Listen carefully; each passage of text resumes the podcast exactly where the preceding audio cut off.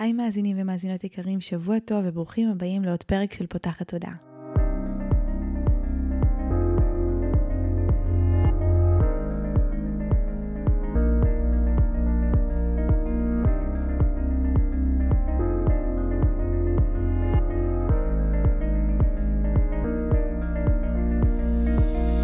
הפעם הראשונה שלכם כאן, פותחת תודעה היא תוכנית שנועדה להעביר רעיונות, לאתגר תפיסות קיימות ולפתוח את צורת החשיבה האוטומטית שנהוגה אצל כולנו לכל מיני כיוונים חדשים במטרה להכניס לחיים שלנו יותר כלילות, שלווה, זרימה, אהבה, קרבה וחופש, גם במערכת היחסים שלנו מול עצמנו וגם במערכות יחסים נוספות. אני ניצן אלפסי, אני המנחה של הפודקאסט הזה, ואני מאמנת תודעתית ומלווה תהליכי העצמה אישית בעזרת כלים מעולמות התמודה, האנרגיה והרוח.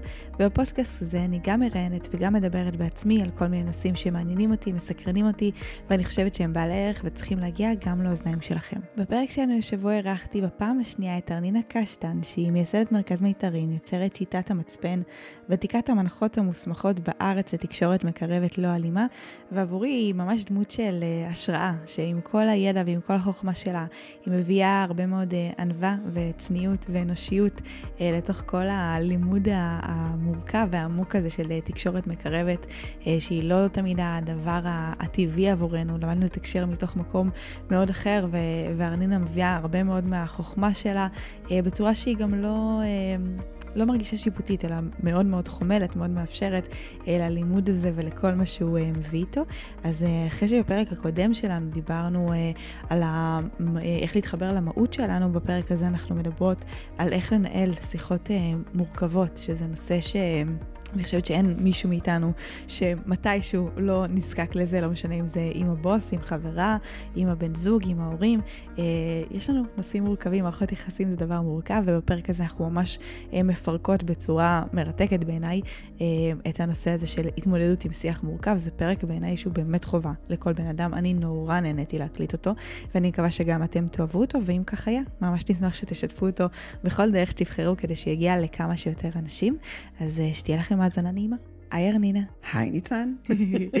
אז אה, הזמנתי אותך אה, לכאן היום בפעם השנייה, אחרי נכון. שהפרק הקודם שלנו, אה, שעסק באיך להתחבר למהות שלנו, היה פרק mm. מאוד משמעותי ואנשים מאוד אהבו אותו. אני שמחה, כן. ואת רבת תחומי מומחיות, ורציתי גם שנביא איזה משהו מעולמות של יותר תקשורת מקרבת. והנושא שבחרתי לנו לפרק הזה, זה באמת איך אנחנו מנהלים אה, שיחות מורכבות. כן. דיברנו על זה גם לפני, שלכל אחד מאיתנו יש את הנושאים, או את האנשים שיותר קשה לנו אה, לפתוח מולם את מה שאנחנו חושבים, את מה שאנחנו מרגישים. בכללי, מערכות יחסים זה דבר אה, מורכב מהרבה מאוד בחינות. אז בפרק הזה אני הייתי רוצה שבאמת... נדבר וניתן למאזינים שלנו את הכלים אה, איך להתכונן לשיחה כזאת שהיא יותר אה, מורכבת או יותר טעונה, איך אנחנו יכולים להגיע, להגיע אליה גם ברמת האנרגיה, הרגש, הכוונה, כן, המילים, כן. אה, בצורה יותר נכונה. איך אנחנו מנהלים את השיחות האלה וגם מה עושים אם הצד השני עדיין מגיב ב... בצורה, כמו שבדיוק חששנו שהוא יגיב כן. כשנעלה איתו את הנושא המורכב כן. הזה. אז קודם כל, אני, אני שמחה על הנושא.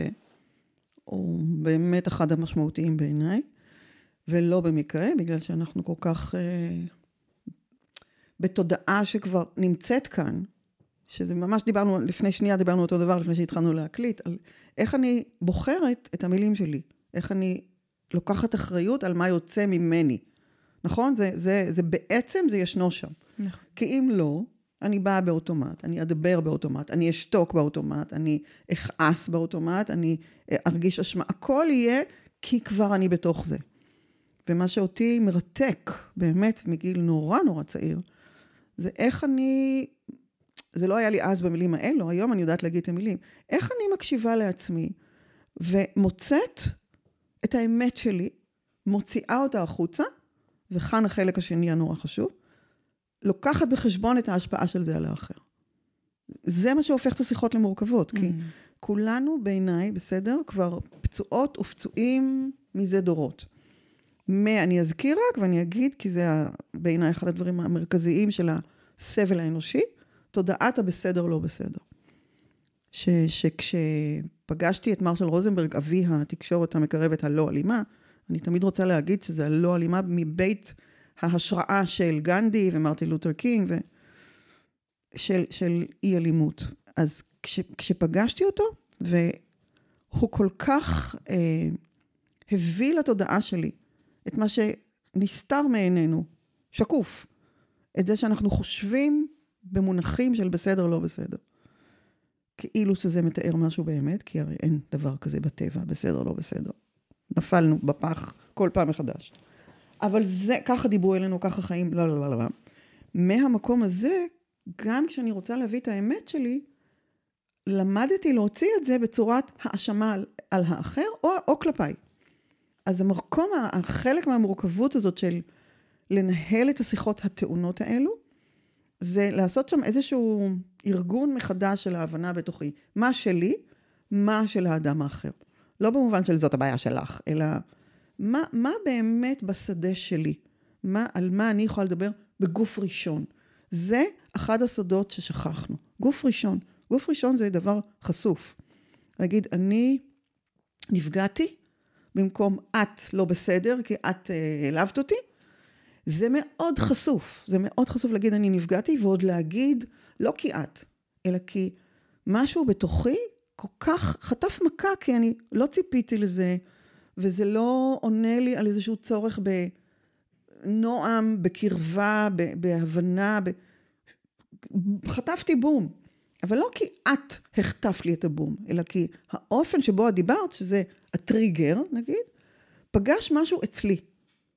וממש, תגידי. זה, אני אומרת שזה ממש דורש לקחת אה, אחריות על, ה, על הכאבים שלנו, על הפצעים נכון. האלה, כמו שדיברנו, וזה נראה לי גם באמת שני שלבים של קודם כל להכיר את עצמנו מספיק בשביל לדעת מה הפצעים האישיים שלנו ומה הטריגרים שמפעילים אותנו, נכון. אה, ועל איזה דברים אה, זה יכול לעורר אצלנו, וגם באמת מהצד השני, לשים את האגו הזה בצד ולבוא בצורה מאוד פגיעה ונקייה ולהגיד, האירוע הזה שקרה בינינו, הוא לחץ לי על איזשהו כפתור שאני יודעת שהוא הוא, הוא שלי, אבל אני גם משתפת אותך כי, כי את שותפה ל, ל, אותך, כן, כי אתם כן. שותפים ל, לדבר אנחנו הזה. אנחנו בקשר הזה ביחד. אז אני רק אקח מילה אחת שאמרת ואני אשים אותה כי אני, אני לא משתמשת בה ולא במקרה, mm-hmm. המילה אגו, כי באופן שאני שומעת שמשתמשים בה, זה כאילו אומר יש שם משהו לא בסדר. כאילו זה שאני צריכה שיעריך אותי, או שלא משנה מה, יש שם משהו לא בסדר, זאת אומרת משהו לא בסדר בי, וזה בשבילי דורך על אותו מקום שאני רוצה כל כך לצאת מהשדה הזה. Mm-hmm. אז כן, להכיר את עצמנו, בדיוק כמו שאת אומרת, זה, אני אגיד, זה עבודת חיים. זה עבודת חיים, זה בסופו של דבר מה שאני מלמדת, לומדת, באמת כל חיי. וחלק עצום מזה, וכאן יש גם... אה, התרחבות והקלה ו- ו- וגם צער. זה שזה לא אני בכלל. זה דברים שאני ינקתי, פשוטו כמשמעו, mm. ממשיכה להעניק הלאה והלאה, בלי שאני מודעת לזה. שיושבים על הבסדר לא בסדר, ושיושבים על נפרדות, ושיושבים על ציפיות, ועל שיפוטים, ועל אמונות של איך נכון ואיך צריך. וכל הדבר הזה, בסופו של דבר, גם מכתיב את התגובה שלי, וגם את התחושה שלי וגם את התגובה שלי. וזה הדבר הכי עמוק שהייתי רוצה שנדע לעבוד עליו. Mm-hmm. וחלק מזה זה להסתכל על הצד השני ולהגיד, וואו, מדהים, אבל גם שם יש אדם. גם שם יש מישהי או מישהו שעברו את הילדות שלהם בתוך התודעה הזאת, בתוך איזושהי משפחה שעשתה תמיד את הכי טוב שהיא יכלה. והעבירה את זה דרך הצינורות של הבסדר לא בסדר. כן, זה מורכב. לפעמים אני גם רואה שלאנשים אה, קשה עם המקום הזה, דווקא מתוך החוסר רצון לפגוע בצד השני. נכון. אה, ואז יש שם כאילו חוסר... אה, אה, כנות, או מקום שמאוד כזה ממש. הולך על ביצים, מייפה, אולי בעצם שנייה נ, נלך איזשהו צעד אחורה ונשאל mm-hmm. למה יש נושאים שקשה לנו לדבר, והאם את מזהה איזשהו מכנה משותף, או כן. משהו כזה שמאפיין את הנושאים, או את הקשרים, או את הדברים שאפשר לראות באופן די גורף שקשה לדבר עליהם. כן, אחד מהם את אמרת, הפחד לפגוע, והשני זה הפחד להיפגע. עכשיו, אני רגע, אני הכי הכי גדול עושה את זה, בסדר? כי יש mm-hmm. לזה המון ניואנסים, אבל אני רוצה עוד פעם שנבין למה זה כל כך מפחיד אותנו לפגוע או להיפגע. כי כולנו היינו פעם גוף קטן. בגוף הקטן הזה, מה זה אומר נפגעתי? נגיד, לא ראו אותי כמו שאני, או לא נתנו לי מקום להיות במלואי, או לא נתנו לי את חופש הבחירה שהייתי זקוקה לו כ- כרוח. כל הדברים האלו, זה לא היה שמות של צרכים שצריך לענות עליהם, זה היה חוויה קיומית של תלות מוחלטת באנשים הגדולים, מוחלטת. אין גוף קטן שיכול ללכת לאף מקום בעצמו. זאת אומרת שהגוף שלי יודע שאם לא יטפלו בי, אני לא אהיה, או שאני אהיה רק, אה, לא יודעת מה, אפילו רק ברמה הרגשית אפילו. זה נורא נורא נורא נורא נורא מפחיד אמיתי, אמיתי, ממשי. לכן אני לא משתמשת אחר כך באגו ובקורבנות, כל המילים האלו, שכאילו שמות עלינו משהו שהוא לא אשמה בכלל. הוא כן מורכב והוא כן מעכב אותנו, גם איתנו וגם ביחסים. נגיד, למה אני לא רוצה לפגוע? כי למשל, אני לא רוצה שישפטו אותי. למה אני לא רוצה להיפגע? כי אני לא רוצה שישפטו אותי. אבל מה זה הישפטו הזה? זה מזכיר לתאים שלי את החוויה הראשונית ההיא של אימא'לה, לא מקבלים אותי. מה זה לא מקבלים אותי בגוף הקטנצ'יק? זה עוד שנייה אני לא קיימת. זה כל הפחדים הגדולים שלנו כגדולים או גדולות, בעיניי יושבים על המקום הראשוני הזה. ואנחנו נורא נורא נורא לא רוצים לשחזר אותו. אז אני, לפעמים אני לא רוצה לפגוע כי אני יודעת את הטעם הזה של הפגיעה, לא רוצה לגרום את זה למישהו או מישהי. ולפעמים אני לא רוצה להיפגע, די, נפגעתי מספיק.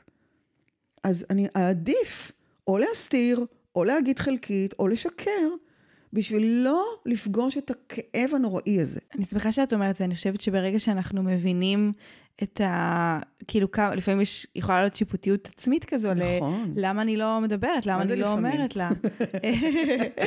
לרוב. אה, וכשאנחנו מבינים כמה זה הישרדותי, ואולי אה, באמת חזק מאיתנו, בדיוק. יש לזה הרבה הבנה. בא לי שגם נדבר אולי...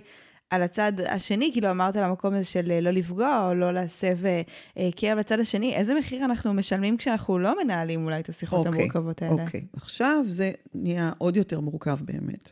כי בשם איזשהו ביטחון, שהגוף שלי זקוק לו באמת, אני מוותרת על, על איזושהי חירות של הרוח שלנו להיות במלואנו.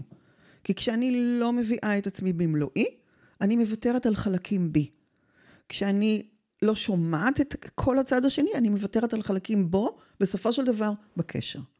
בשם הביטחון התאי הראשוני. זאת אומרת, העבודה הענקית, המורכבת, ובעיניי יפהפייה, היא מאוד קשה, שלנו. אני, אני, אני אומרת את זה ככה, יש שם משהו שאני קוראת לו דבק. הדבק זה ההחזקה של האמונה, זה, זה, זה שלוש אמונות. בגלל שפעם זה היה נכון, אוקיי? נגיד היו שם רק איזה קצת, קצת מאוד אנשים, שעליהם יכולתי להפנות את הצרכים שלי, רק עליהם. אבא, אימא, אח, אח, אחות, דודה, סבתא, מורה, גננת, גנן לפעמים. נורא מעט אנשים, זה לא היה שבט. זאת אומרת שמשהו בי אה, הדביק עליהם את, את, כל מה שהייתי צריכה. וזה היה רק האדם הזה, ורק ככה, זאת אומרת, אם ייגשו אליי כשאני בוכה, או ייתנו לי חיבוק, או ייתנו לי קפה כשאני כבר יותר מבוגרת, או מילת הערכה, רק אותו אדם, רק הדבר הזה שהוא יעשה אותו ככה, ועכשיו, מה זה עכשיו? כל פעם שאני פונה אליו. זאת אומרת שאני, זה הדבק. אדם אחד, דרך אחת, זמן אחד. זה מחזיק אותנו ב, ב, ממש בבית כלא, ואני לוקחת את הדבר הזה שלא התמלא לרוב כשהייתי תינוקת, לוקחת אותו לכל מערכות היחסים שלי. אתה עכשיו הבן זוג שלי, את עכשיו הבת זוג שלי, הכל לא מודע, בסדר? אני משליכה את כל זה עלייך, זהו, הדבקתי עלייך. אם אני עכשיו אבקש ממך את כוס הקפה שלי, אנחנו כבר חמש שנים יחד, נכון? ואת מביאה לי קפה עם שתי כפיות סוכר במקום כפית אחת, סוף העולם. סוף העולם, כי על הדבר הזה שמתי את המשמעות של לא אכפת לך ממני, או אני לא חשובה. אחד מהשניים, בסדר? כן. או האשמה או אשמה. זה מעגל הסבל האינסופי. עכשיו, איך אנחנו יכולות לצאת מזה בכלל? הרי אני לא רוצה ולא יכולה לוותר על הצרכים שלי. מה כן? אני רוצה להחזיר את הצרכים שלי לגוף שלי, לדעת מהם, לכן התחלתי בלהכיר את עצמנו, ואז לראות שיש שם ישות שגם היא רוצה לבחור בעצמה. אף אחד לא חייב לעשות לי קפה. אבל כשאני דורשת באופן הסמוי הזה, אז נלכדנו, ואותו דבר כלפיי, כן? זה לא שיש פה מישהו לא בסדר. זה, זה לא מודע כל זה. אז מה כן? במקום שם לדרוש הזה ולצפות, ובתוכי להיות עם פחד מוות הישרדותי, אני חוזרת לצורך. הצורך, כן, הוא קיומי. אבל האם באמת, אם האדם הזה לא יביא לי קפה עם כפית סוכר, זה אומר שאני, שלא אכפת לו ממני, או שאני לא קיימת? לא. וואו, אוקיי, זאת אומרת, שאם אני לא אקבל את מה שאני צריכה או רוצה או מבקשת, זה נורא יכאב. אבל זה לא הסבל של הפחד שאני אמות. שם המהפך מבחינתי. שם. אני, אני אפילו רוצה להגיד את זה עוד פעם. נגיד בשיחות הטעונות האלו, כן? אני רוצה עכשיו אה, לדבר, מה? עם חברה, עם אימא שלי, עם מי? בואי, בואי ניקח דוגמה. אוקיי, okay, אני רוצה לדבר עם uh, חברה על משהו שהיא עשתה, ש... שפגע בי, אבל אני לא יודעת איך להעלות את זה, כי אני מפחדת ש... כאילו זה יפוצץ לנו את הקשר, אה, או okay. אוקיי. משהו כזה. כאילו, okay. אוקיי. אני יכולה להגיד אפילו על עצמי, ש... אני כן רואה שבשנים האחרונות אני הרבה יותר מצליחה להחזיק מרחב של אה, מורכבות, שזה, יום, כיף. שזה משהו שמאוד באמת מרגש אותי, כי אני חושבת שגם הצד השני של למה כדאי אה, לדעת להחזיק את המורכבות הזו, בעיניי זה יוצר קשרים הרבה יותר חזקים. כל אחד שהצלחתי אה, לצלוח את המשוכה של אה, לפתוח נושא מורכב, אני חושבת שהקשר שלנו הוא הרבה יותר... אה, עמיד ועמוק ומשמעותי. איזה כיף. אה, רגע, שנייה, אני רוצה כן, לחגוג את זה. כן. כי זה הדבר בעיניי. כי הפחד שמא נפגע בקשר או שאנחנו ניפגע, בעצם משאיר אותנו במקום רדוד בקשרים. ממש. אנחנו כאילו, ונורא לבד. שני הצדדים נשארים לבד. אני, זה, זה אבסורד כל כך כואב. ואת בדיוק אמרת את המילה שאני הכי אוהבת, לצלוח את זה. יש שם באמת פחד עולמי, אבל יש הגמול בצד השני. הוא כל כך גדול, שזה שווה את הפחד הזה, נכון? את, את אומרת לגמרי. שבכל המקומות האלו, זה, זה פשוט חגיגה. אני אגיד לך משהו, ואני אני אלך רגע להגיד את זה, נגיד על הדוגמה הזאת. חלק ממה שאני אעשה כשאני אגיע כבר לשיחה, תכף אני אדבר על איך אני אתכונן לשיחה, יהיה להגיד את המשפטים האלה שאני לא מדבר. את יודעת, אני רוצה להגיד לך משהו, אני... הסיבה שלא אמרתי את זה עד עכשיו, כי פחדתי שזה יפוצץ את החברות. הנה אמרתי משהו שלא אמרתי קודם. Hmm. היא לא יודעת מזה. אם אני לא אומרת את זה, אני עשויה לבוא עם התנפלות או עם התקפלות. זה לא משנה, ואז אני עוד פעם לא מלאה. או שאנחנו נלך צעד אחורה, ואנחנו פשוט לא נסביר לצד השני מה קרה, נתרחק, ואז זה גם יוצר פגיעה מבחינתו, כי כאילו, רגע, למה תלכת אחורה? עשיתי משהו, משהו לא בסדר? בדיוק, והרי לך עוד דרך לפוצץ את הקשר. כי אם, אם מתרחקים, אז רגע, אז מה הולך פה? וגם הצד השני אולי לא רגיל ליזום שיחות טעונות. נכון. אוקיי, אז, אז כן, יש פה המון אומץ. אני חושבת שזה גם דרש ממני להתגבר, אבל מה שהתחלתי להגיד, שבתור כן. אה, נערה יותר, אני חושבת שהחוויה ש... שאני סוחבת איתי זה באמת אה, המקום הזה של אני נורא מפחדת לפגוע, כי כן. פעם כל ה... אה, אני תמיד הייתי בן אדם שבא ו... ופותח, נגיד, באופן אה, יחסי. כן. אה, פשוט כאן לא טובה בלהסתיר ולשמור בבטן, אבל, אה, אבל באמת החוויה של זה הייתה חוויה לא, לא כל כך חיובית עבורי. Mm, כאילו, חוויתי את עצמי כ... כמישהי שכן, אה, אה, כנראה הייתי מתקשרת, הייתי עוד צי... כאילו ילדונת, אבל בצורה אה, פוגעת או משהו כזה, והמון פעמים אה, זה ממש גרם לזה שהייתי מפחדת מקונפליקטים במערכות יחסים. כאילו כן. הייתי נורא מפחדת מלהיות במצב הזה של אני רבה עם מישהו, יש משהו כאילו מרוחק בינינו, וממש שמתי לב לזה, זה עבודה של הממש שנתיים, שלוש האחרונות. כן. שאני ממש לא יוצרת קשרים עמוקים בגלל הדבר הזה, שאני נורא מפחדת שאני כן. אעשה איזושהי טעות, אני אעלה על מוקש, זה יפוצץ את החברות, כן. אה, ואז אני אחווה עוד פעם את הניצן ה... הילדה הנערה אה, הזאת, של... ש... ש... שפוגעת אולי אפילו, יותר מנפגעת. תקשיב שניונת, מאוד יכול להיות, ויש כאן בלבול גם מאוד uh, תופעתי, שאנחנו חושבים שלהגיד משהו בכנות זה לתקוע. אולי זה משהו שעשית שם, בלי שהתכוונת, אני לא יודעת, אני לא יודעת, אולי את זוכרת. זאת אומרת, יש כנות שבה אני אדבר בגוף ראשון, מה שהזכרתי קודם, ויש כנות שבה אני אדבר בגוף שני. כן. זה הי... שני עולמות. הי... הייתי, הייתי נערה, אז אני כבר לא כל כך זוכרת, עברו לי בכל זאת זהו. אה, למעלה מעשר שנים, אבל... כן, כן. אה, אני כן כאילו זוכרת שבחוויה, מאותם אה, שנים, הרבה מערכות יחסים שלי שמרתי על, על משהו שהוא כאילו... הוא קרוב, אבל הוא לא קרוב כן, מדי, כדי כן. שאם הדבר הזה יתפרק, כן. או שאני אעשה טעות, במרכאות. כן, כן, כן. אז, אה, אז כאילו שזה לא, שזה לא יהיה כואב באותה רמה שזה כאב, כן. כשכל מיני קשרים מהעבר התפוצצו. אה, אה, הנה, הנה, אותו כאב ראשוני, ש, שעליו יושב גם הכאב של הגיל העשרה. מי רוצה לחוות אותו? ברור שלא. ומה שאני אומרת זה שאפשר בלעדיו. עכשיו, אני רוצה עוד פעם להזכיר, זה לא שאפשר בלי כאב, בשבילי כאב זה חלק מהחיים. אבל יש את הסבל הראשוני שיושב על הזיכרון הראשוני, שאוי ואבוי, אם אני אפגע בקשר או באדם, או אם אני אפגע, יתפוצץ הקשר, ואז זה אומר עליי שאני... מתחת לזה זה אומר, הפסקתי להתקיים. את מזהה מה שאני אומרת? כן. זה הפחד שמאבן אותנו, מאבן אותנו. ומה שאני רוצה שכל פעם מחדש נזכיר לעצמנו, ממש לנשום, להגיד, אני לא אמות. זה יכאב, אבל אני לא אמות. זה יכאב, אבל אני לא אמות. זה יכאב, אבל אני לא hmm. אמות. באמת, זה, זה, זה כל כך, כל כך עולם שונה. זה, אני לא יכולה להימנע מכאב, לא יכולה. לא יכולה, אין, אין, זה חלק מהחיים. אה, אה, כלב שלי מת, אני טלפתי, בסדר? היום יום השנה לשנתיים למותה של אימא שלי. אני לא מתעלפת, אבל זה לפגוש כאב. זה, זה, אין. ואם, ואם אני מזדקנת, זה כואב. נכון. אם אני לא נאחזת ברעיון שזה אמור להיות אחרת או בצורה mm-hmm. מסוימת, אני לא סובלת, אני רק, במרכאות, רק כואבת. זו נקודה ממש חשובה, אני, אני מדברת על זה המון כאן, אני חושבת שהסבל שלנו מגיע כל כך הרבה מתוך האמור הזה, נכון, מה אמור להיות. נכון. והוא גם כל כך לא, כאילו, הוא אשלייתי, כי לא יודעת, לא יודעת מי, מי שיקר לנו שככה זה אמור להיות, אבל האנשים... זה לא אמור להיות שום דבר אחר חוץ ממה שזה. בול, בול. אבל את יודעת, יש, אנחנו חיים בעצם, בעצם, בעצם, באופן תמידי באי-ודאות.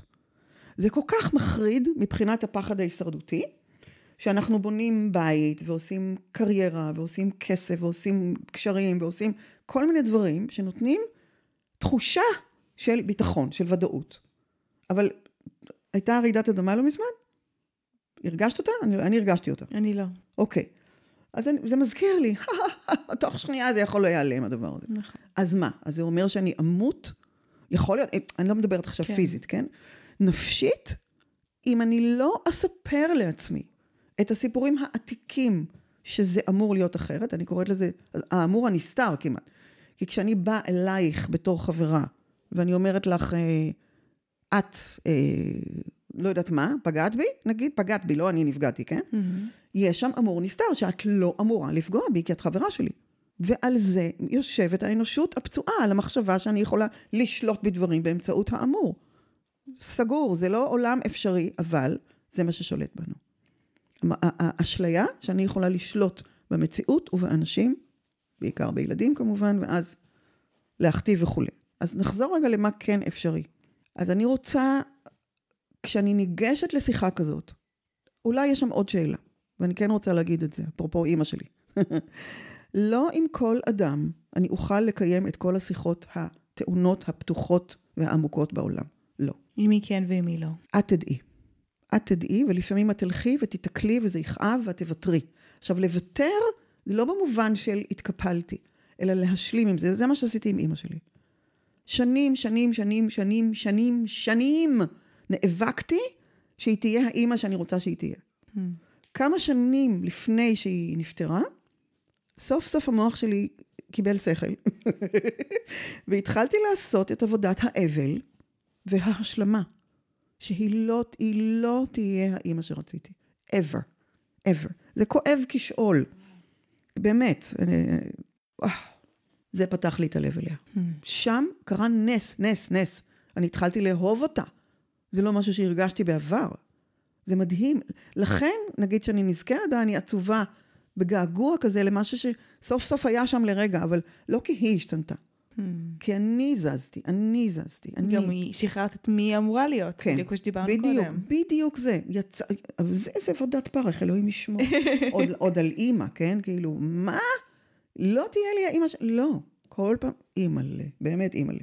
אז זאת העבודה בעיניי. אני מבינה לגמרי, וואו, זה, זה לוקח אותי ל, למלא כיוונים, כאילו, כי באמת אני חושבת שיש כאילו את, השיחות המורכבות עם אנשים שהם... אה, נקרא לזה, לא בהכרח קבועים בחיים שלנו, כן. חברים, בוסים, אנשים כאלה, ויש אה, שיחות עם באמת עם מורכבות. המשמעותיים, עם- האינטימיים. כן, עם, ה- כן. עם, עם, עם בני הזוג שלנו, עם המשפחה שלנו, כן. אה, ושם הרבה פעמים יצא לשמוע המון על... אה, אני מלווה בתוך הרבה תהליכים, כן. נשים שיש להם יחסים מורכבים עם, ה... מאוד, מאוד. עם ההורים שלהם. עכשיו, לכולנו יש, גם לי, זה שאני כאילו בקשר טוב איתם לא אומר שאין שם מורכבות. ברור. וזה, אני גם תמיד אומרת שלא משנה כמה תהליכי סליחה עשיתי מולם, אז כל פעם אני נוכחת למשהו חדש, וכל שלב מביא אותי למשהו חדש. כן. לפני שנה טסנו אה, יחד איתם לתאילנד, וזה היה אירוע מאוד מורכב מבחינתי. כאילו. זה היה שלושה שבועות כמעט. אני באיליה בעלי, וכאילו, זה היה כזה וואו. כן. מאוד מאוד מאתגר. מאוד, אמ, מאוד. וזה זה ממש אימת אותי עם המון המון דברים שיושבים, נכון, ו- נכון. ולאט לאט התחלנו לפרק אותם, האם הכל יתפרק? לא, האם עכשיו עם ההורות אה, יהיו אתגרים חדשים? בטוח, לחלוטין. בטוח, אמ, וואו. אבל, אבל זה באמת גם נקודה של איך אנחנו, כי הרבה פעמים, תראי, יש גם אנשים שמוותרים על, ה- על היחסים עם, ה, עם ההורים שלהם, נכון. נכון. יכולים להתנתק, כאילו נכון. מבחינתי זה לא אופציה. אני שמחה לשמוע, אה, אבל, אבל אני יודעת שזו אופציה שקיימת. כן. אז שנייה אני אגיד משהו פה. מהמם. שנגיד, אוקיי, כאן שוב העוצמה היפהפייה של תקשורת מקרבת. מה, מה המתנה הגדולה שמרשל הביא לעולם? אחת מהן, להבין, או להציע, בסדר? כי זה עוד תיאוריה על, על האדם, שאני התחברתי אליה יותר מכל תיאוריה אחרת. שבעצם מה שמניע אותנו זה צרכים אנושיים. צרכים, צרכים. בשבילי, צרכים זה תנועת החיים בגוף שלנו. החיים פה, בתוכי, והם פוגשים את החיים בחוץ. אז גם כשאני אה, רוצה להגיד לך משהו, עלייך, זה כי לי יש צורך שכן יתמלא או לא יתמלא. אם אני אגיד לך, את מדהימה, זה כי צורך שלי יתמלא. אם אני אגיד לך, את מגעילה, זה כי צורך שלי לא יתמלא. מהמם. אבל אנחנו לא יודעים את זה. נכון. אני חושבת שזה באמת את, לא. אותו דבר בצד השני. הצד השני, גם יש לו צרכים שגם הוא התרגל להגיד אותם, או כלפי עצמו או כלפינו, כטענה או דרישה. אוקיי, איפה אפשר לעשות את השינוי? להתחיל לשאול מהם הצרכים, ואולי הכי חשוב זה להבין שיש הרבה יותר, או לפעמים אפילו רק דרך אחת נוספת, למלא את הצורך הזה, חוץ מאשר בדרך הבלעדית הזאת, שזה מה שהזכרתי עם, ה, עם הדבק, כן? מהמם. אז נגיד אני חושבת על, על אה, אה, אימהות, נגיד. אימהות של נשים שילדו. אז בתור סבתא, קודם כל בתור סבתא, משהו משתנה במרקם של המקום שלי. זה מאוד לא פשוט, מאוד לא פשוט. אני בתור סבתא, הייתי פעם אימא שלך, לא היה שם איזה גורם נוסף, זאת אומרת היינו את ואני, וכל המורכבות של זה. עכשיו מגיע גורם נוסף, ואני, הסבתא, זזה מקום. אימא'לה, יש לי צמרמורת שאני אומרת לך את זה עכשיו. באמת, זה לא פשוט. אז איפה תהיה הנתינה שלי? נתינה זה אחד הצרכים הכי ענקיים של כולנו, בוודאי כהורים. מה זה אומר לתת? האם זה אומר רק להיות שם כל הזמן? זה גם יכול להיות על בת זוג, בן זוג, חברה. זו אותה שאלה. מה זה אומר? איך נראה הדבר הזה בפועל, בחיים, שנקרא לתת? כי לתת, הצורך הוא בתוכי. כשאני מוציאה את זה החוצה, זה כבר דרך פעולה, זה כבר אסטרטגיה. סליחה, זה כבר לא הצורך עצמו, זה מה ש... זה האיך שהצורך יבוא לביטוי. על זה נקיים שיחות. אז קודם כל נבין קצת מה, מה הצורך, מה בעצם חשוב לך, אם אני רגע חוזרת לדוגמה, או, או חברה שנפגעת, לא משנה מה. איזה צורך שלך לא התמלא כשנגיד, נגיד את זה, היא פגעה בך? איזה צורך שלך לא יתמלא? אוקיי, אז אנחנו, אני רק עושה סדר, אנחנו כבר נכנסות לסוג של איך מתכוננים לשיחה הזאת. נכון. מעולה. אמ, המצאתי עכשיו מקרה היפותטי, אבל זה יכול להיות אה, צורך, אה, אולי הרגשתי שהיא לא אה, רואה אותי, אולי הרגשתי שהיא לא בנאמנות אליי. יופי. נהדר. ניקח את אלו, בסדר? אוקיי. עכשיו, עוד פעם, תראי איך זה יצא לך, עליה, נכון? Mhm, נכון. בסדר, אז ככה אנחנו מתחילות. אני יודעת, אני מוציאה את כל השיפוטים שלי עליה, אני כותבת הכל, דררר, כל האיכסה, ביכסה, ביכסה, אף אחד לא יראה את זה. מהמם. אבל זה במילא חומר קיים. אז בואו נסתכל עליו רגע, בסדר? ומילת המפתח היא חמלה. אין משהו לא בסדר, לא בי ולא בה. בוא, פעם ניזכר בזה עוד פעם, עוד פעם, עוד פעם, עוד פעם. כולנו התבלבלנו עם התודעה שלנו. אוקיי, אז אני חוזרת רגע. כשאני אומרת, את פגעת בי, ואת לא רואה אותי, ולא אכפת לך ממני, ואת לא נאמנה לי, אוקיי, אני כותבת את זה, אני לא אומרת לה את זה. זאת ההכנה. מה יש בתוך השיפוטים האלה? שלי, לא שלה. אז אני לא אעשה עכשיו את כל העבודה, כי זה תהליכים שבאמת אני מלמדת יותר לעומק, אבל נורא נורא חשוב להבין שהשיפוט הוא מה שאני לא רוצה. אז לשאול מה אני כן רוצה. אני לא רוצה שהיא תפגע בי. מה אני כן רוצה? אני רוצה שמה? שיכבדו אותי, שיראו אותי, שיקבלו, משהו שיופיע שם בלקסיקון. ולנשום ולהתחבר לדבר הזה, הוא להגיד, וואו, זה מה שאכפת לי שם. לא, לא לחשוב עליה כבר, היא כבר לא בתמונה. כי הצורך שיכבדו אותך, או שיראו אותך, או שיקבלו אותך, או שייתנו לך חופש, הוא בתוכך תמיד. תמיד. זה חלק ממך. נכון, וגם בכל מערכות היחסים שלנו. בדיוק. ואז זה בא למערכת יחסים, ומולבש על אדם מסוים. אבל זה שלי. איך, ואז אם אני מלבישה את זה בלי לדעת, אני בעצם דורשת ממנה, ואז כמובן שאני אפגע. אם אני מביאה את זה אליי, ואני אומרת, וואו, בעצם מה שהייתי נורא רוצה לדעת, זה שאת מכבדת אותי, כי נורא, נורא, נורא, נורא חשוב לי שיכבדו אותי, שיראו אותי, ש... שאני אוכל לנשום ולסמוך, ויש שם צורך ענק שאנחנו שוכחים אותו המון פעמים, שנקרא אמון. זה צורך שנפגע מגיל אפס ועד גיל 200. Mm. בגלל שלא ידעו לתת לנו מה שהיינו צריכות, כמו שהיינו צריכות. אז אותו דבר משתחזר עכשיו. אוקיי, זה לא אומר שהיא לא בסדר. היא משחזרת ואת משחזרת, אוקיי. בא לי גם להגיד שנייה ש... כן. גם במקום הזה אני חושבת שצריך להביא את החוסר שיפוטיות שדיברת עליה, כי כאילו כשאת כן. אומרת, אה, חשוב לי שיראו אותי, חשוב לי כבוד, יכול להיות שיעבור לנו בראש כזה, נו מה, אני ילדה קטנה, מה כזה חשוב לי שיראו אותי, או מה חשוב לי כבוד, מה... את זוכרת שאמרת אגו קודם? נכון. זה בדיוק זה. זה נכון. לא, לא, לא, לא. איזה יופי שיש לי את כל תנועת החיים הזאת בתוכי, שעד סוף ימיי אני ארצה את זה. אני צריכה את זה, ככה זה, זה אני אדם. תודה שאת מזכירה את זה, באמת, mm-hmm. באמת. אז כן, אז יכול להיות שגם יעבור לי השיפוט העצמי הזה. ואז אני רוצה להזכיר לעצמי את מה שאנחנו אומרות עכשיו. היי, היי, הלו, את אדם, פעם היית ילדונת, אותם צרכים היו לך, כשתהיי זקנונת, אותם צרכים יהיו mm-hmm. לך. בואו נלמד, וזה הסוד הבא, בואו נלמד לבקש את זה. לבקש את זה. זה נקודה יפה, לא לכעוס על עצמנו שיש לנו נכון. את הצרכים האלה, אלא לשאול איך אנחנו יכולים למלא אותם. זה... לפני, לפני, לפני, לפני האיך, לקבל את זה באהבה, ואם לא באהבה, לפחות בחמלה. כן, יש לי הצרכים האלו. זה חלק מהיותי אדם. זה שני שלבים נפרדים. אחר כך אני אצא לאיך לבקש. Mm-hmm. לקבל אותי בחמלה על כל המורכבות שלי, כולל המוגבלות שלי. אני אדם, זאת אומרת שאני אינסופית ומוגבלת. Mm.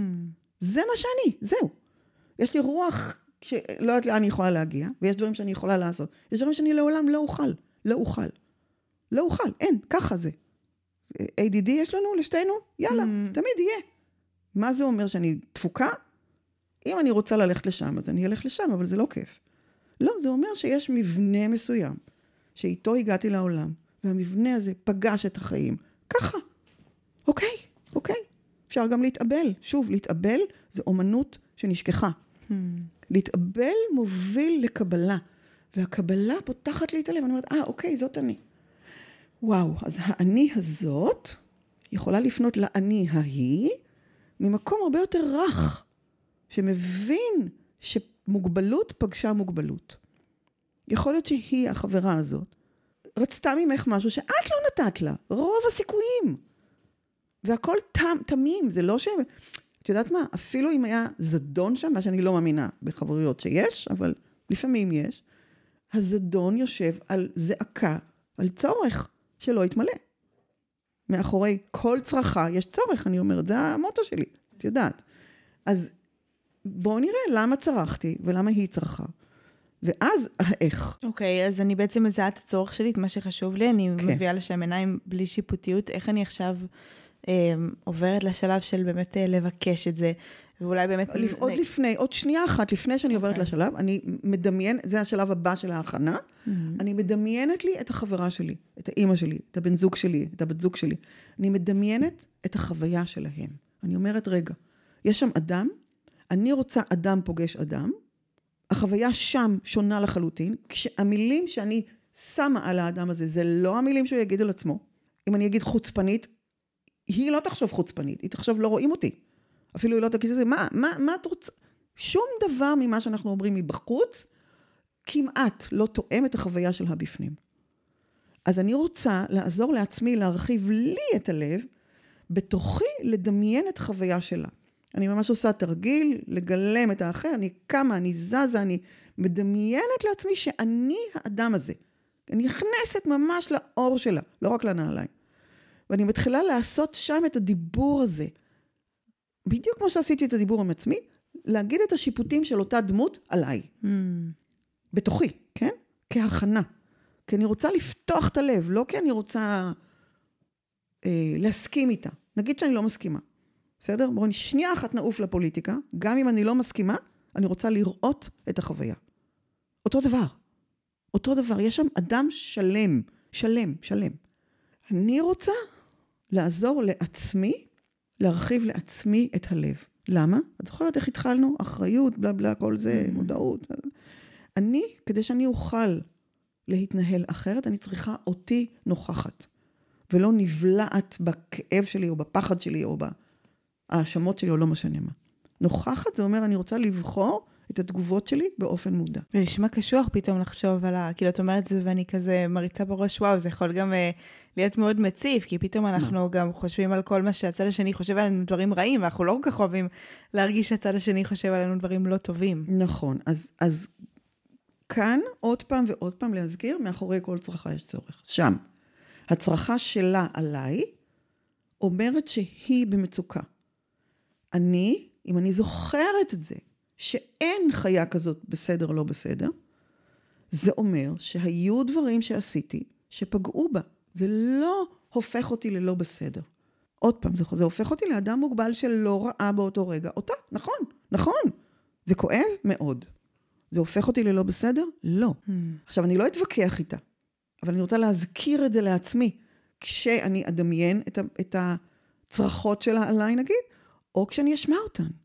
כאן תיכנס האומנות, אני רגע קופצת לשיחה עצמה, או בכל השיחות שבהן אנחנו שומעים ושומעות האשמות כלפינו.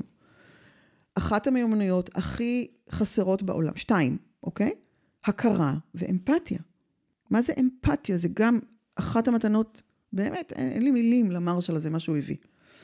אמפתיה זה מושג שכבר קיים, אני חושבת, בטח מאז פרויד, נגיד, בסדר? נגיד מאה שנה. מתי הוא נכנס לפעולה?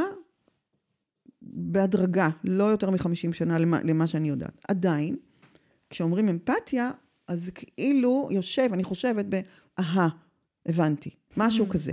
מרשל, המהפכה שהוא הביא, הוא הוסיף סימן שאלה לאמפתיה. זה מהפכה אחת, תכף אני אגיד את השנייה. זאת אומרת שאם אני בשיחה, אפילו בהכנה לשיחה, אני יכולה לדמיין דיאלוגים בינינו. אני יכולה לדמיין משהו שהיא תגיד לי. נגיד, היא תגיד, אה, מה? מה היא יכולה להגיד? לא, לא, לא חשבת עליי, לא אכפת לך ממני. אוקיי. אני מזכירה לעצמי, יש שם צורך מאחורי הצרכה הזאת. מה יכול להיות הצורך מאחורי זה שהיא אומרת, לא אכפת לך ממני? מה יכול להיות? יותר מקום הרצון שיראו אותה, יכבדו אותה, יעריכו אותה, אכפת ממנה. בדיוק, המילים עצמן. לדעת שאכפת ממנה. יש לך צורך כזה? בטוח. יש לה צורך כזה? בטוח. אז אני יכולה באמפתיה שלי לנחש את זה, להגיד וואו, אז בעצם ממש ממש רצית לדעת שאכפת לי ממך? סימן שאלה? וואו, פגשתי אותה לרגע. זה הרעיון של האמפתיה, רגע אחד להיות שם, לא להגיד לה, לא, אבל אכפת לי ממך. זה אנחנו יודעים לעשות. Mm. רגע אחד לעשות פתיחה של המרחב לזה שגם החוויה שלה וגם החוויה שלי יכולות להיות כאן בינינו, ולא נמות. לא נמות, רגע אחד נהיה שם. ננשום רגע, זה לא פשוט, במיוחד אם אין הסכמה, אבל מה המטרה העמוקה, העמוקה? לא מי צודקת כאן, אלא איך נהיה ביחד גם כשאין בינינו הסכמה.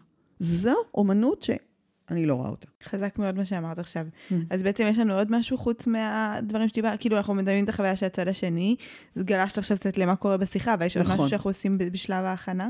את הדל... לדמיין דיאלוג, mm-hmm. לדמיין איך זה יכול להיות שם, להכין לעצמי את הזיכרון שאני אוכל להיות אמפתית אליי, כשעולה, נגיד אני אשמע דברים חזקים, להזכיר לעצמי משהו, איזשהו משפט שאני יכולה להגיד לעצמי. זה לא שאני לא בסדר. זה לא שאני לא בסדר, או וואו, אז כמה הייתי רוצה שיראו אותי. איזה שהם משפטים שאני אוכל לחזור עליהם תוך כדי השיחה, כולל לדעת, או אפילו להגיד מראש, יכול להיות שיהיו רגעים שאני אהיה כל כך מוצפת או מופעלת, שאני אבקש שנעצור לכמה דקות. ממש לעשות קצת הסכמות בהתחלה. שזה את, את מחליטה מראש עם עצמך ואת גם מתקשרת מול הצד השני. ואני מבקשת את זה מהצד השני, ואז אני, נגיד, נעבור באמת לשיחה, ואז אני מזמינה אותה לשיחה, מזמינה אותה. אני אומרת לה, הייתי נורא רוצה לדבר איתך, או, משפט שאני חייבת להתחיל איתו, חשבתי עלייך. שזה תמיד נכון, כי הנה אנחנו חושבות עליה. חשבתי עלייך, ויכול להיות חברה שלי, בת שלי, אימא שלי, דודה, לא משנה מי, חשבתי עלייך, ונורא הייתי רוצה שנדבר על, ותחשבי משהו, כותרת קצרה, על הרגעים שבהם, או על מה שקרה לפני שבועיים שלא דיברנו עליו. שאלה, את מוכנה שנדבר? אם היא אומרת כן, נהדר, עכשיו או בזמן אחר, ואם היא אומרת לא, אז וואלה, בואי נראה אולי בזמן אחר כן. זו שאלה באמת, מה אם פתאום את מקבלת לא? אז את, את נערכת לזה, זה חלק מההיערכות. יבואו, יבוא לא, יבוא כאב, יבוא, יהיו רגעים לא קלים. Mm-hmm. אני, אני מתכוננת לזה, אז זה לא יבוא כ... זה עדיין נכאב, אבל זה לא פצצה של, מה? מדברת עליהם? לא, אני יודעת שהיא יודעת לדבר ככה. או איך אני אדבר פתאום. Mm-hmm. אוקיי, אז נגיד שאנחנו כבר בשיחה, אז גם אה, הסכמות, כמו זה שאמרתי, נגיד, אה, בואי נלך עד מקום שאם אני ארגיש, או את תרגישי, שזה too much, נעצור, ויכול להיות שנמשיך ביום אחר. בסדר? להגיד מה המטרה של השיחה. המטרה של השיחה שלנו היא, מה? ליצור יותר פתיחות, כדי שיהיה יותר אמון, כדי שנוכל יותר ויותר לדבר את האמת שלנו, שתינו. בא לך? בא לך? פשוט לשאול אותה. אני, עולה, עולה לי שאלה כאילו, מה קורה אם זה נגיד, אה, יש מצבים שבהם לשני הצדדים ברור שיש מטען וצריך כן, לדבר, כן. ויש פעמים שאני אה, יצרתי לעצמי... אה, כן. מלחמת עולם בראש, והצד כן. השני בכלל לא יודע שאני טעונה אליו. איך אני מתקשרת את זה? הנה, מה שאמרת, מה שאמרת עכשיו. כל, המון פעמים אנשים שואלים, איך אני אדע איך לתת אמפתיה? כל מחשבה שעוברת לך בראש, תהפכי אותה לדיבור עם סימן שאלה. או לשיתוף חשוף שלך. את יודעת, יכול להיות ש, שמה שאני הולכת לדבר איתך זה הכל מלחמת עולם בראש שלי. ואין שום דבר במציאות. עדיין, ממש ממש אני אשמח אם תסכימי לשמוע אותי.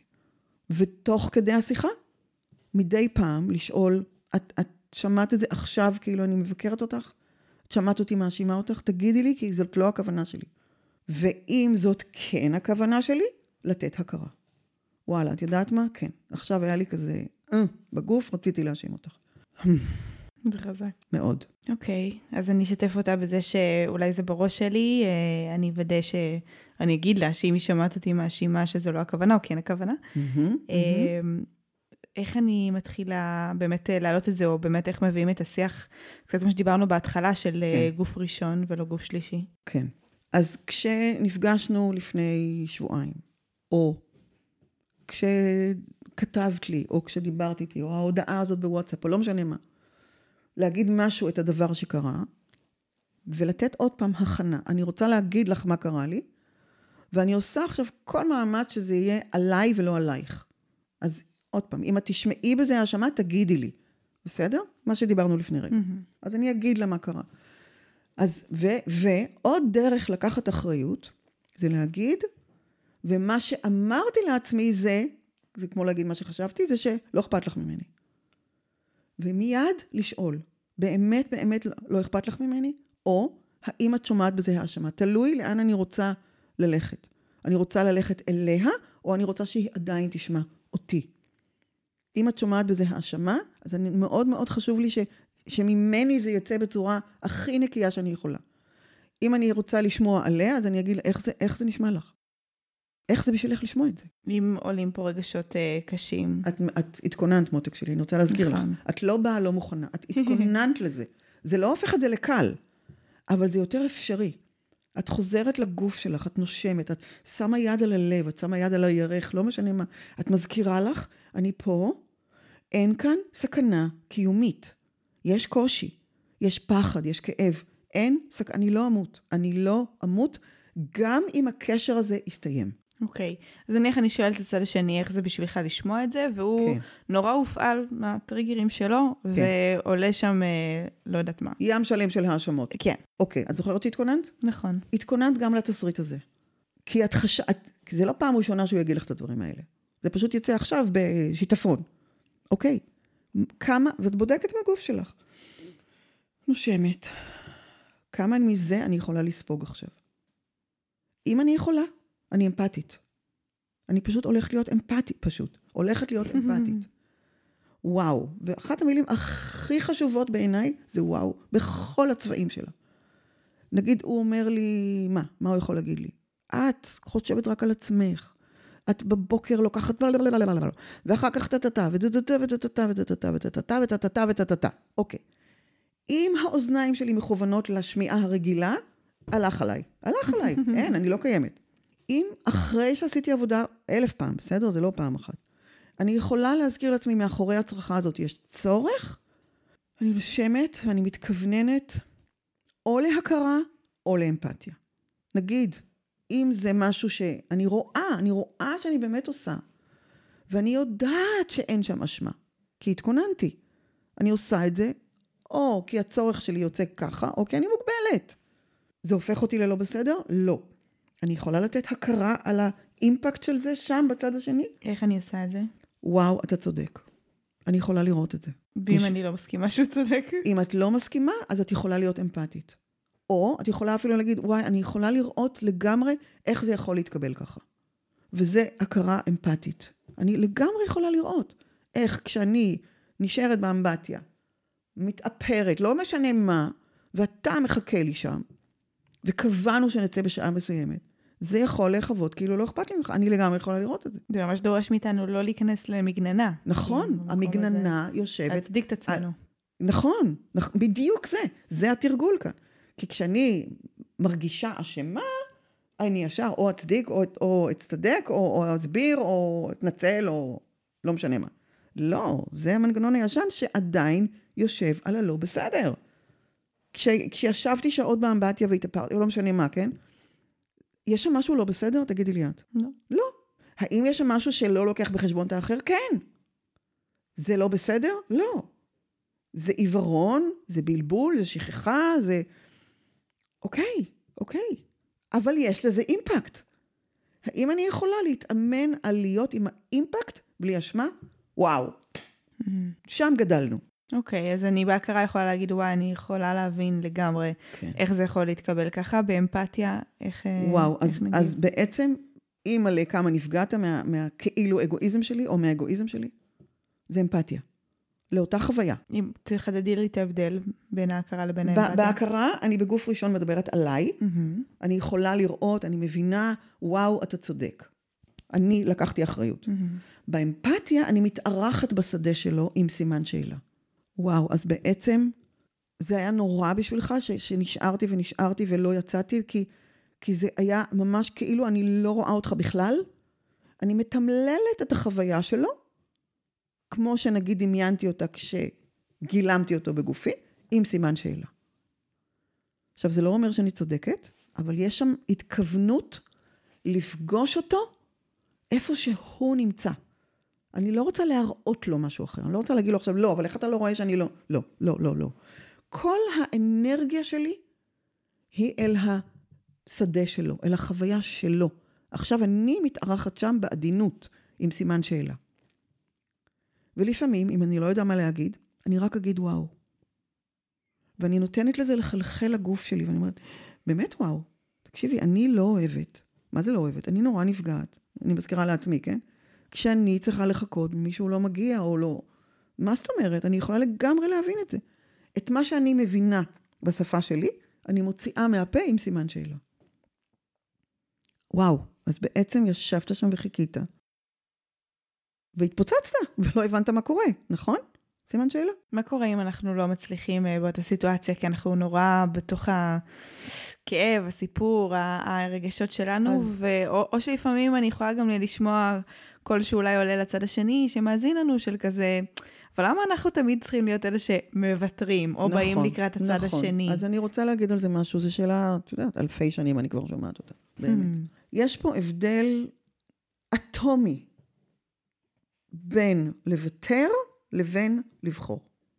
אני בוחרת לגדול דרך הדיאלוג הזה.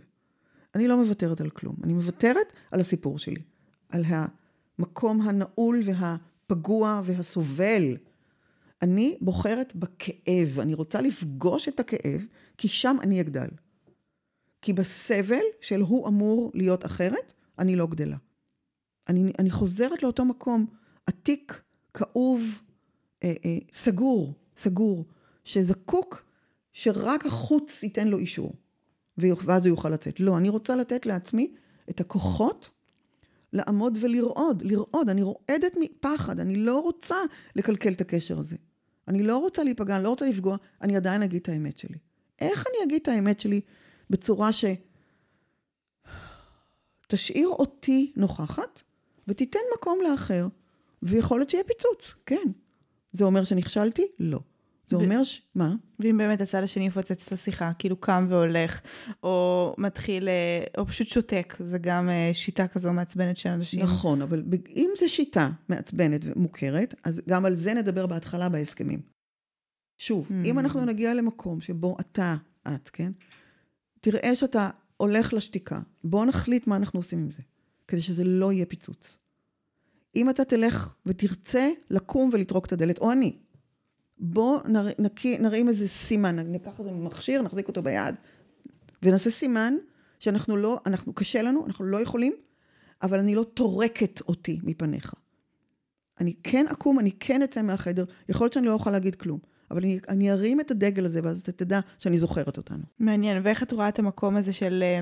כאילו זה גבול דק, ואולי אין לזה באמת אה, פרשנות, אבל יש פעמים שבאמת הדבר הנכון זה לעצור את השיחה באמצע, כי, כי זה בסדר, כי לכל אחד מאיתנו יש קיבולת. כן. ויש פעמים שזה מרגיש, עוד פעם, כנראה זה, אולי אני עונה לעצמי שזה פרשנות. מה? אה, על המקום הזה של רגע, זה מקום שלא מתמודד, זה מקום שבורח. שם? כן, אצלך? שם. מהצד השני, אני, אני כאילו מסוג האנשים ש... עד שלא עשינו closure לשיחה, אני כן. כאילו, אני עוד חיה את זה, ואני רוצה לדעת שסגרנו את הדבר הזה, שהבנת למה אני מתכוונת, שיש בינינו בהירות, החלטנו מה אנחנו, או, או, או, או לא החלטנו מה אנחנו mm-hmm. עושים אחרת mm-hmm. קדימה, אבל כאילו יש איזה מין כזה לפחות פידבק של אני כן. מבין או לא מבין, כן. אני מסכים או לא כן. מסכים, אבל לא כזה פשוט להתעלם מזה. כן. אמ, וכל עוד אין את ה closure לשיחה, אז אני כאילו מרגישה שאני נשארת ב loop. יופי, מה אמרת עכשיו? דבק. תסתכלי על זה שנייה. את רוצה משהו נורא מסוים שיקרה שם. בואי, בואי רגע שנייה נחקור את זה. Mm-hmm. מה יקרה אם זה לא יקרה? זאת השאלה שאני שואלת כשאני רואה שם משהו שממש מפחיד אותי אם הוא לא יקרה. מה יקרה אם זה לא יקרה? מבחינתי, כאילו אם אני אקח את זה למקומות שבהם אני חווה את זה, כן. אמ, זה, זה כאילו פשוט, א', אולי יגרום לי לא לפתוח את זה בפעם הבאה, כי אני מרגישה שכאילו אין לי קשב מהצד השני, או שאני מרגישה שהשיחה הזו בה לא הקשיבו וכזה, אוף, מה עכשיו הוא לא יישם את זה? אני באתי והייתי מאוד מאוד פגיעה, או הצפתי משהו לא נוח, והנה okay. אוקיי. ב- עכשיו אני לא אעלה את הנושא הזה עוד פעם, כי okay. אוקיי. עכשיו הוא גם לא הקשיב לי, אז כאילו בשביל מה נעשה את זה שוב? דרלין, את יכולה את כל הדברים האלו להפוך לחלק מההסכמים בהתחלה. אני ממש ממש מזמינה, במיוחד אני שומעת אותך ואת אומרת, עשית שם צעדי אומץ גדולים כבר, וגם יש לך את זה בטבע, את קצת אומרת, נכון? כן. את, את רוצה את הכנות הזאת. אבל את גם לא רוצה להיות תלויה בתוצאה אחת, זה לא החיים, החיים לא יובילו אותך תמיד לתוצאה אחת. שכחת? איך ההסכמים האלה, אבל, אה, או כל השיחה הזו, זו שאלה שככה כתבתי באופן כללי, כן. איך הדבר הזה לא הופך להיות מהונדס מדי? זאת אומרת... לא יודעת. לא יודעת. לא, באמת אני לא יודעת. זה, זה... זה מרגיש לי כאילו מאוד שלבים וסכמטי והסכמים, לא, ואנשים שהם לא כן. לא רגילים אה, לדבר נכון. בתקשורת הזו, זה כאילו נשמע להם טוב, מה את עכשיו עושה לי, אה, מה זה חוזה אז, בבית משפט? אז, לא, אז בואי אני אגיד לך את זה. אני לא, אני לא, אני עושה את השיחות האלה, ואני לא מרגישה אותן מהונדסות, כי... Mm. בסדר, אני, אני אמרתי משהו בהתחלה, ויאללה, יאללה, זורמת, ונפגעת ופוגעת, הכל, הכל, הכל, הכל קורה. ההסכם שאומר, בואי נחזור וניפגש מתי שהוא. נמשיך בעוד שעה, בעוד יומיים. הוא זה שמחזיק את הקשר. אכפת לי ממך, אכפת לי ממני ואכפת לי מאיתנו. אני לא יכולה עכשיו לדבר, לא יכולה להמשיך. או הוא או היא לא יכולים להמשיך. אני יכולה לכבד את זה? את לא מרגישה לפעמים מוצפת ואת לא יכולה לעשות משהו? ברור. נכון. זה אומר שזה חוסל? לא. זה, זה המקום שסוגר אותך מהזרימה. ואם זה דפוס שקיים לנו במערכת יחסים עם מישהו, כאילו שכל פעם אז, שאנחנו אה, באים אה, לייצר איתו שיח, אז הוא נורא לא אוהב שיחות עמוקות ונורא כזה... יש לך אה, בחירה גדולה לעשות בחיים. אם את רוצה להמשיך עם האדם הזה או לא. יש דבר כזה שנקרא לא מתאים. אני יכולה לאהוב מישהו והוא לא יתאים לי. לחיים משותפים, כן? צריך שם גם טונות של אומץ. וכשזה אנשים שאמרנו שזה כאילו לא בהכרח חברים או אז, כאלה, משפחה. אז זה מה שעשיתי. אבל, השלמה, חלקיות. שם אין את המלאות. וזה הקשר שלי עם האנשים האלה. אני בחרתי. או, או, ש, או שאין קשר. אבל באמת, באמת, זו בחירה אישית. אני לא אומרת שיש פה משהו נכון. את, את צריכה לדעת את היכולות שלך.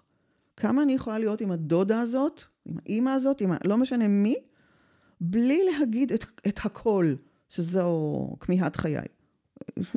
הנה, אני יכולה. אני יכולה. אז כן, זה חלקי. אבל איך אני יכולה לחלקיות הזאת להביא הכי הרבה מהאמת שלי? בלי שזה תובע מהאדם השני להשתנות, כן.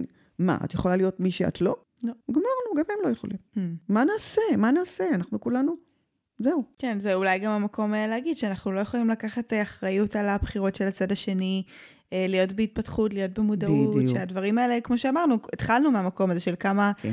אנחנו צריכים להכיר את עצמנו וכמה אומץ זה בדיוק. דורש, ואולי הצד השני לא נמצא באותה לא. רמת פתיחות, או נכון. רצון לחקור את עצמו באותה נכון, מידה. אני, בואי נגיד עוד יותר מזה. חלק מהטרגיות של מצב האנושות הוא שלימדו אותנו את מה שדיברנו עליו באמת היום, את הפחד הזה, שאם אני אגיד את האמת שלי, אני אפגע, או אפגע.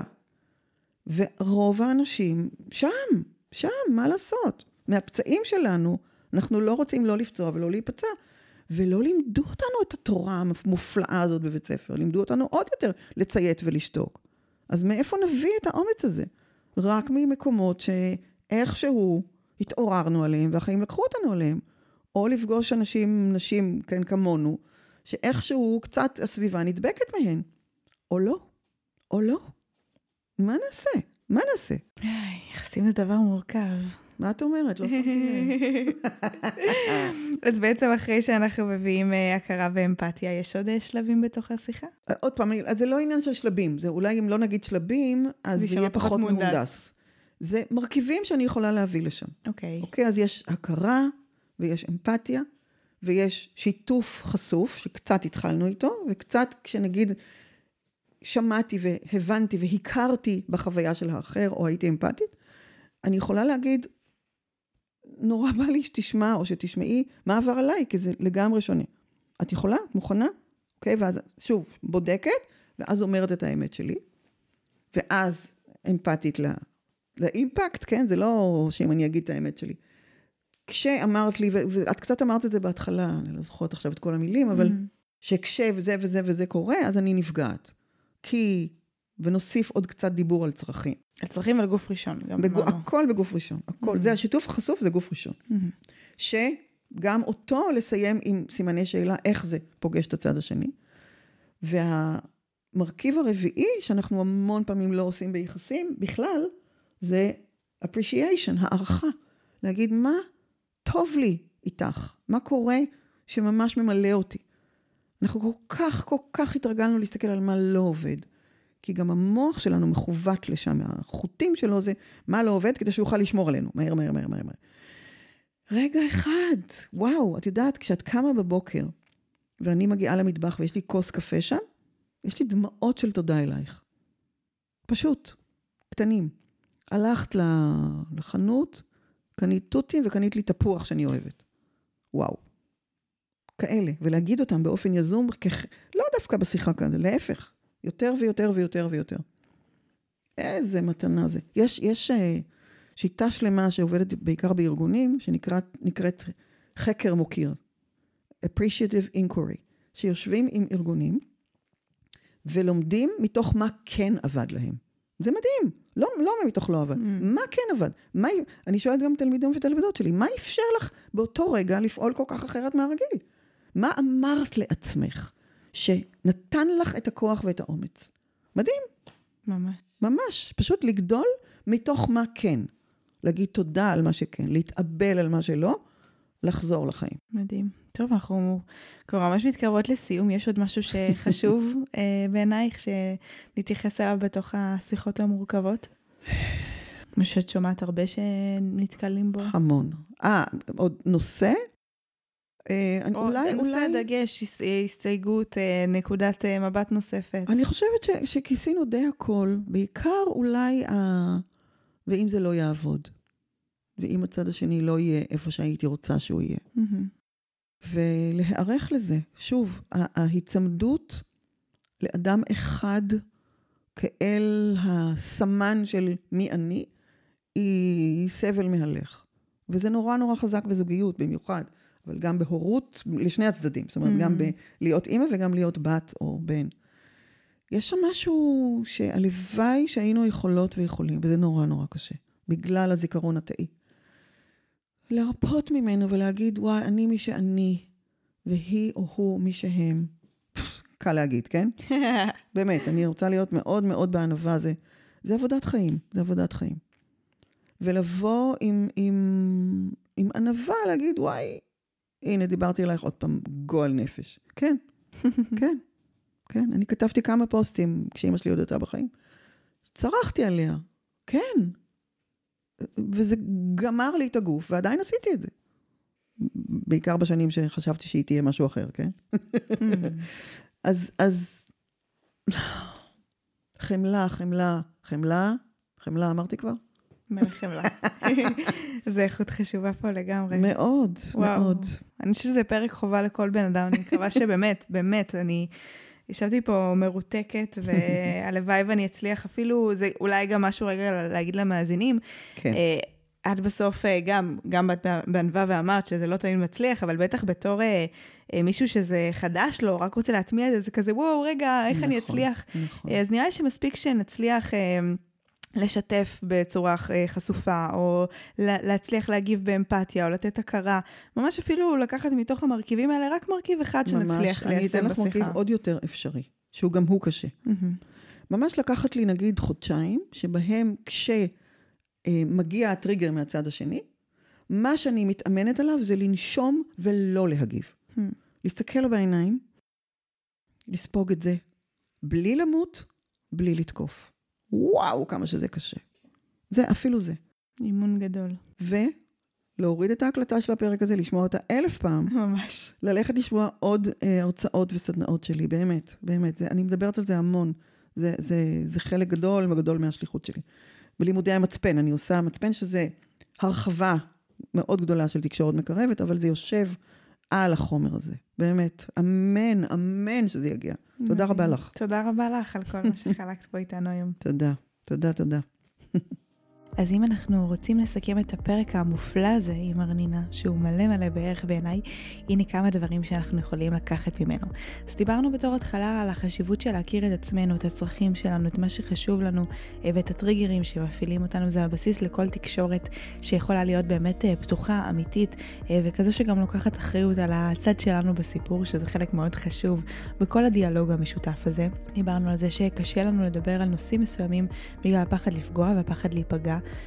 שהם בסוף יושבים על הפחדים הכי בסיסיים, הפחד שישפטו אותנו, אה, שהוא בעצם תזכורת לחוויה ילדית של חוסר קבלה, שכתוצאה ממנה אנחנו נורא מפחדים מחוסר קיום, ולהבין שזה בסדר, אה, וזה הגיוני שאנחנו חוששים לנהל שיחות מורכבות, ולהביא למקום הזה הרבה מאוד חמלה. דיברנו על זה שכשאנחנו לא מביאים את עצמנו במלואנו, אנחנו בעצם מוותרים על עצמנו, וכשאנחנו לא פותחים ומדברים על הדברים שמפריעים לנו בקשרים עם האנשים שנמצאים איתנו במערכת יחסים, אנחנו למעשה משאירים את הקשר במקום רדוד ולא מאפשרים לו באמת להגיע לעומק ולפתיחות אה, ולפוטנציאל אה, של קשרים מדהימים שיכולים להיות לנו, ושהסכמה לנהל את השיחות האלה בעצם מאפשרת לנו לייצר קשרים עמוקים יותר. דיברנו על שלב ההיערכות לשיחה, שבו אנחנו בעצם אה, מתחילים מלכתוב את האופן שבו אנחנו תופסים את הסיטואציה, ממש בצורה הכי נטולת פילטרים, שנייה לשים את זה מול העיניים, ומתוכה לשאול מה אנחנו כן רוצים שיהיה, מה הצורך שלנו, מה חשוב לנו, ולהיות בחמלה גם למה שעולה לקבל. את זה שאלו הם הצרכים שיש לנו, וזה מה שאנחנו אה, רוצים, וזה מה שחשוב לנו, ולא לסווג אותם כטובים או לא טובים, בסדר או לא בסדר, או איך הם אמורים להיות. דיברנו הרבה על לשחרר את האמור בפרק הזה וכמה זה חשוב. אנחנו רוצים לדמיין את החוויה של הצד השני, מה הוא חווה בסיטואציה, מה אותה דמות אה, חושבת עליי, מה היא מרגישה, ולזכור שגם לה יש צרכים, וזה לא אומר שאנחנו לא בסדר, אלא שפשוט גם לה יש את הצרכים שלה והם לא נגדנו, הם פשוט בידה. אה, דיברנו על לייצר לעצמנו משפטים שנוכל לחזור עליהם בשיחה, שיהיו סוג של משפטי עוגן, אה, וגם לייצר סוג של הסכמות ומחשבות, קודם כל בינינו לבין עצמנו, ואחר כך לתקשר של אולי אנחנו נהיה מוצפים, אולי נעשה הפסקה, וזה גם בסדר, להבין מה הגבולות שבתוכם נוח לנו ונעים לנו לנהל את השיחה הזו. בשלב השיחה עצמה אנחנו יכולים uh, להתחיל ולבוא ולהגיד שחשבנו עלייך, עליך, והייתי רוצה שנדבר על, וממש להגיד את זה בכותרת קצרה, ולבדוק אם הצד השני פנוי לשיחה. את מוכנה שנדבר, זה יתאים לך שנדבר על זה עכשיו, ואם לא, אולי גם לקבוע זמן אחר לשיחה. להגדיר הסכמות uh, של uh, אולי נעצור ונמשיך לפעם אחרת, אם משהו קורה ומפעיל אותנו, אפשר אפילו להשתמש באיזשהו חפץ שהוא כזה כמו הרמת uh, דגל, uh, ממש להניח גם מה המטרה של השיחה, ההסכמות האלה מאפשרות לייצר תחימה וגבולות לשיחה שיעזרו לתקשורת בהמשך. להתחיל מבאמת איזשהו שיתוף חשוף של אולי זה בראש שלי, אבל מה שאני חווה זה ככה וככה וככה. אה, לשים אה, לב ולהגיד גם לצד השני, האם אתה שומע אה, או את שומעת אותי מאשימה, זה לא הכוונה, זה לא מה שהתכוונתי, או אולי זה כן. אני מרגישה רגע צורך לפרוק את האשמה הזאת. וממש לשתף, כשהאירוע קרה, אני רוצה להגיד לך או לך מה, מה קרה לי ומה חשבתי, וגם לבדוק איתם איך זה בשבילך לשמוע את זה, איך זה גורם לך להרגיש. אם אולי התנגדות ואשמה מהצד השני, אנחנו יכולים לבחור בהכרה, ולהגיד כזה, וואו, אתה צודק, או אה, וואו, אני יכולה להבין אה, לגמרי איך זה יכול אה, להתקבל או להתפרש ככה, מקום שבו אנחנו לוקחים איזושהי אחריות ובאים כזה לצד שלו, או באמפתיה. ופה אנחנו נעשה סוג של שיקוף עם סימן שאלה בסוף, אז בעצם זה היה ממש איזשהו תיאור בשבילך ש, כי זה היה כאילו ש, ממש לתמלל את החוויה של הצד השני עם סימן שאלה בסוף. אה, אני בעצם מתארחת בשדה שלו. וכמובן להזכיר לעצמנו גם לנשום ואת המשפטי עוגן האלה שהכנו את עצמנו והתכוננו לשיחה והיינו מוכנים גם לאופציה הזו של ההתנגדות.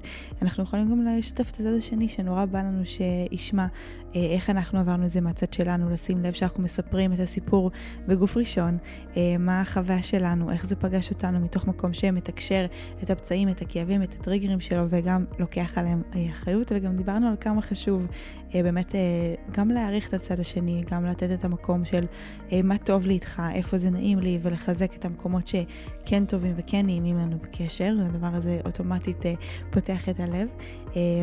וגם דיברנו ככה בגדול על המקום של זה שאנחנו באים ויוזמים את השיחה, זה לא כי אנחנו תמיד מוותרים, אנחנו תמיד אה, מתפשרים או מתגמשים עם הצד השני, אלא אנחנו בסך הכל מוותרים על הסיפור שלנו בשביל לייצר באמת איזושהי תקשורת אה, משותפת שהיא לוקחת בחשבון את הסיפור של שני הצדדים, היא לוקחת בחשבון שיש פה עוד אדם. הפרק הזה הוא באמת אה, בעיניי אה, פרק אה, חובה אה, לכל בן אדם, אנחנו ממש נשמח שתשתפו אותו, תשלחו אותו לכל מי שככה אה, מרגיש לכם שיכול להתערם ממנו, וגם, כמו שגם אמרתי בסוף, תתחילו מאיזשהו מרכיב אחד, מאיזשהו שלב אחד, מי שלא רגיל ולא מיומן, שזה כולנו, להתנהל מתוך תקשורת מקרבת, זה יכול להישמע כזה נורא כזה, וואו, זה קשה, איך אני אזכור את כל זה, איך אני אשים לב לכל זה, אז ממש לא לבוא עם איזושהי ציפייה שהשיחה הראשונה תהיה לפי הפורמט, הכללים, או תצליח להיות סופר מקרבת. מקרבת, אלא לבחור אפילו איזשהו מוטיב אחד שכבר יהפוך את השיח להרבה יותר רך ומקרב,